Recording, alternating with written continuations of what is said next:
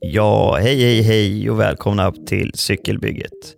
Mitt lilla projekt där jag, Anders, ska lära mig så pass mycket om cykelns alla delar så jag om två år kan bygga ihop en cykel som passar precis mig. Varannan vecka snöar jag in på en produkt eller mountainbike och ger mig på att försöka återberätta det här i hoppet om att i alla fall jag lär mig någonting utav det. Idag ska vi kolla på Evils uppdatering av The Following tidigare i år och se om det finns något man kan ta med sig därifrån.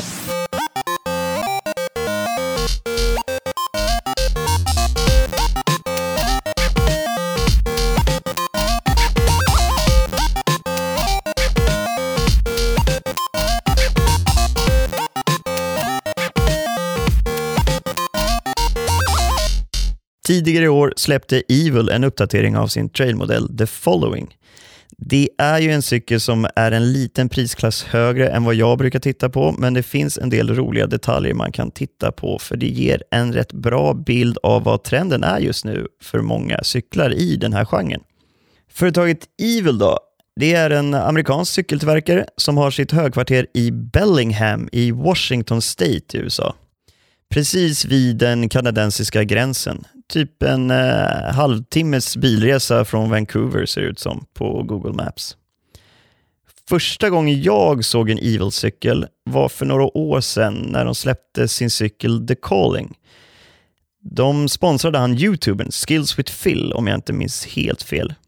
Jag kommer ihåg att han gjorde en livestream från sitt college store när han typ packade upp den och satte ihop den. Uh, what's up guys? Hey, thanks for joining me. Alright, let's see. You can see that.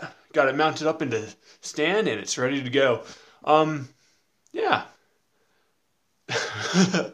uh, let's see. Show us your... Oh ja, den var i alla fall sjukt snygg den här cykeln. Den var turkos och den hade som alla andra Evil-cyklar ett sånt där överdimensionerat headtube. Så den såg liksom rå och stark ut. Jag tycker att det påminner lite om typ fronten på en Dodge Ram eller någonting. Väldigt eh, aggressiv så att säga.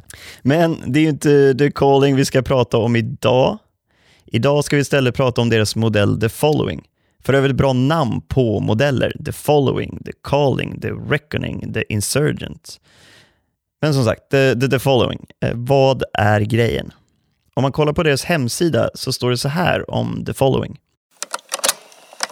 Attacking the climb without sacrificing the shred. Too many bikes are chasing the same reach horizon as everything gets numbed into aircraft carrier lengths. And every bike uses the same 65 degree head tube angle, cross country to Enduro Plus, head trails included. You might as well just pick by color. Not us. Okej, svinbra. Nu sa de ju inte det här, men kort sagt är The Following en 29-tums tradercykel med 120 dämpning bak och 120 eller 130 fram. Vi, vi läser vidare. For the bike that started the entire Shred Trail 29 movement, we can't hit the mute button on loud, fast, and fun times. We need to let the volume roar, and the rally car needs to claw after every extra credit opportunity it can't help but hit. And now, the rally car drifts uphill too. Här fastnar man ju på For the bike that started the entire Shred Trail 29 movement. Alltså att The Following var den första 29-tumscykeln för trail, typ. Och jag har faktiskt gjort lite efterforskning på det här och som jag förstår det så släpptes den första versionen av The Following 2015. Under den tiden så var hela cykelmarknaden helt inne på 27.5-tumscyklar. Teorin var att de var roligare att cykla på, snabbare kurvor och så vidare. Så helt plötsligt skulle alla ha en 27.5 tums cykel med långt slag.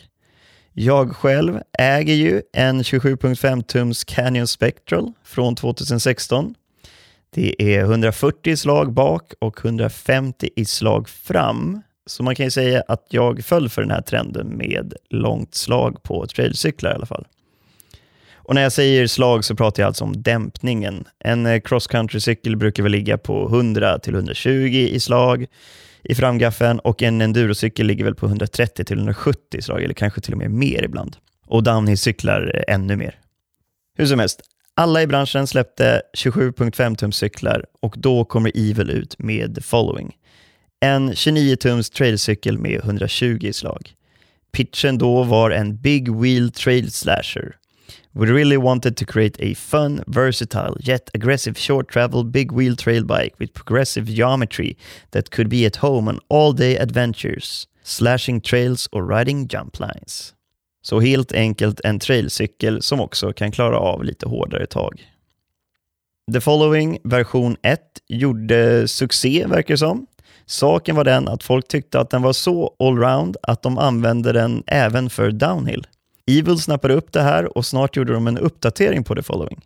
The Following MB, där MB står för More Betterer. Ja, More Betterer. För enkelhetens skull så kallar vi den version 2. Det var inte särskilt många förändringar. Det var egentligen en respons på att så många använde den för downhill. De största ändringarna var att man nu hade gjort plats för en Trunnion Mounted Shock. Alltså den bakre dämparen hade nu en annan slags montering som gjorde det möjligt att ha en dämpare med längre slag. Så då kunde man välja om man ville ha en rejäl dämpare, om man ville ha den för downhill, eller en liten kortare om man ville optimera den för typ stigåkning. Och sen hade man nu också boost på baknavet.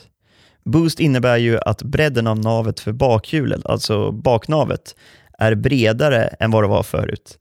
Boost var en ny standardbredd för baknav som introducerades 2014. Den vanliga bredden på baknav låg tidigare på 135-142 mm.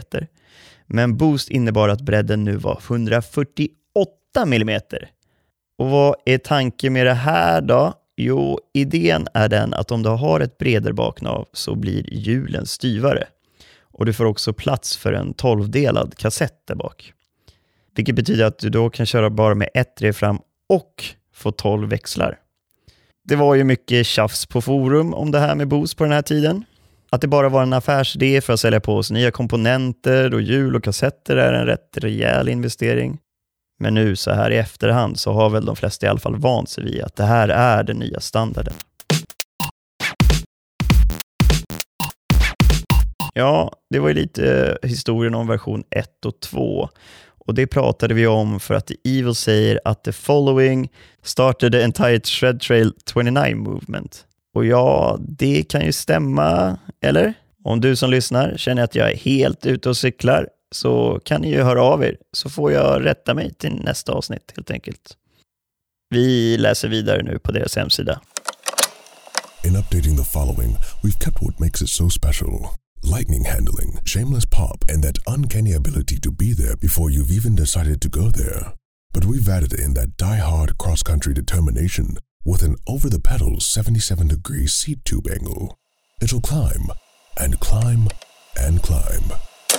Okej, okay, så här pratar de om lightning handling, shameless pop och så pratar de om 77 degree C-tube angle och att det leder till att man typ klättrar bra. Ja, det var flera grejer där, men vi börjar ju med C-tube angle där på 77 grader. Och jag kan ju inte den svenska termen för C-tube angle, men väldigt enkelt beskrivet så är det alltså vinkeln för själva pinnen som sadeln sitter på. Ju mer vinkel, ju mer rakt ovanför tramporna sitter du. Ju mindre vinkel, desto mer lutar du bakåt. På cross country-cyklar har du mycket vinkel så du kommer framåt. Downhill har lite vinkel så att du lutas bakåt. Ja, ja du fattar. Det första alla publikationer, typ Pink Bike, Bike Magazine, Enduro Magazine och så vidare, det första de tar upp när de snackar om nya The Following är just C-tube-vinkeln att den är rakare än vad den var på de tidigare versionerna. Det sticker lite ut då standard nu för tiden är att alla cyklar blir mer tillbakalutade. Och kollar man på specifikationerna för de tidigare versionerna av The Following så låg C-tube-vinkeln på 74,3 grader och på version 3 nu så ligger den på 77 grader. Alltså 2,7 grader rakare. Det låter inte speciellt mycket, men det gör nog rätt stor skillnad ändå. Och Det verkar som att alla hade väntat sig att de skulle ha valt att luta den mer bakåt.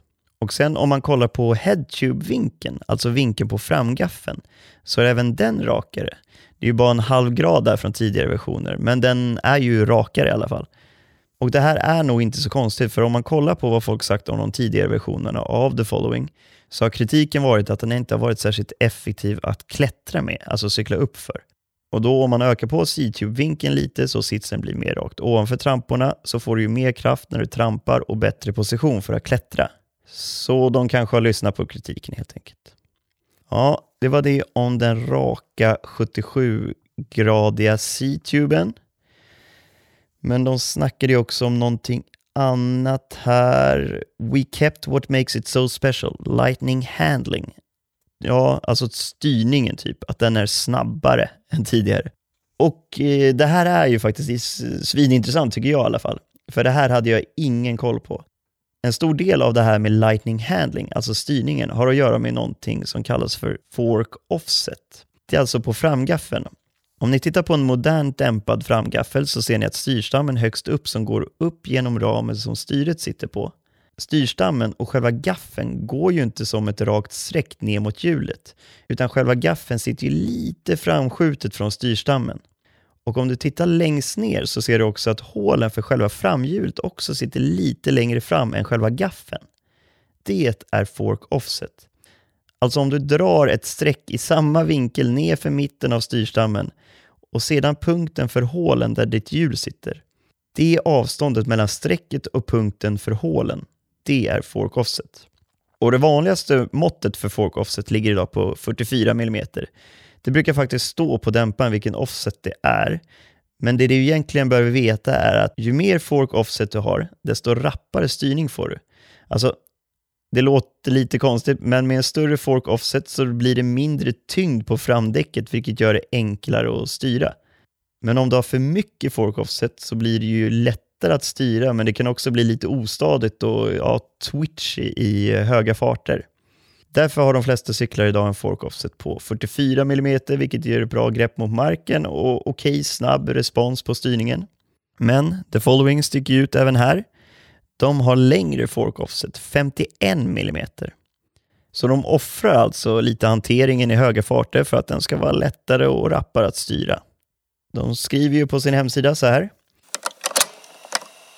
This puts it in full-on Strava seek and destroy overfit peddler territory. But this is the following we're talking about.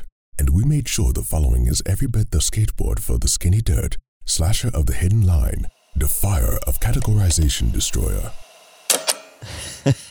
Eh, jag vet inte vad ni kunde få ut av det där otrolleriet, men eh, i mitt huvud får jag till att de säger att den kommer få dig att slå Strava-rekord. Men fokus har varit att det ska vara kul att åka den helt enkelt. Och det kan man ju respektera. Så det var det om Lightning Handling, alltså att de hade valt en längre fork offset för att få rappare styrning.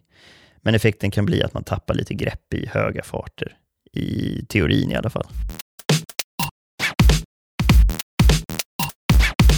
Sist då, pop. De pratar ju om poppen. Det har ju med dämpningen att göra, men också med boosten. Och det var den som var lite intressant här på den nya versionen. Jag läser på hemsidan här igen.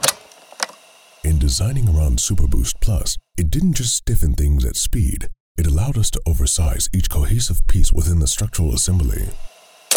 Ja, du hörde rätt. Superboost Plus.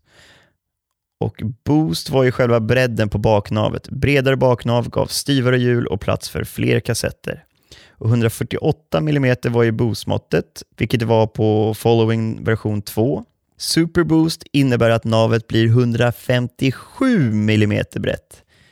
Mycket styvare, enligt Evil i alla fall. Och ja, det är just här kritikerna är tveksamma. För om det var en diskussion runt Boost-standarden när den kom, så är det knappt någon diskussion runt Superboost Plus, vad jag kan hitta i alla fall. Folk verkar nästan lite trötta på hela grejen. Och ja, det är ju en stor investering då man inte kan återanvända gamla nav och hjulpar om det inte är rätt mått och frågan är ju om Superboost Plus är den nya standarden. Jag tycker i alla fall att det ska bli lite kul att följa. Jag har lagt en länk i avsnittsbeskrivningen till en artikel där de intervjuar olika tillverkare om just Superboost Plus och eh, hur de ser på det som den nya standarden eller inte. Så den kan ni ju läsa om ni är intresserade av det. Okej, sist. Något som kanske inte låter så speciellt men ändå är lite talande för den här modellen. Det är ju såklart intern kabeldragning i ramen, alltså att man drar kablage och slangar till växlar och bromsar inuti ramen. Men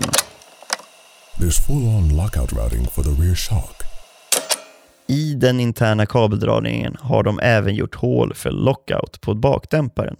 Så man kan låsa den bakre dämparen från styret. Vilket visar ju faktiskt ett stort fokus på stigåkning också. Eh, ja, ja det var bara det om det.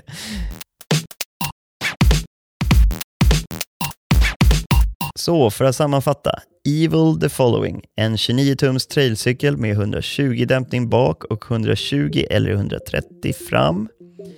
Den nya versionen har rakare C-tube för att förbättra klättring. Den har 55 mm fork offset för att få rappare styrning och den har Super Boost Plus för att hjulen ska kunna bli ännu styvare. Och utöver det så är den ju sjukt snygg. Priset för enbart ram inklusive bakdämpare är 3499 euro. De kompletta bygghitten börjar på 6399 euro. Så det är bara att surfa in där på sidan och klicka hem. Ja, okej, vi ses nästa vecka. Eh, och, och, och om ni vill få tag i mig så kan ni göra det på anderscykelbygget.se. Hej då!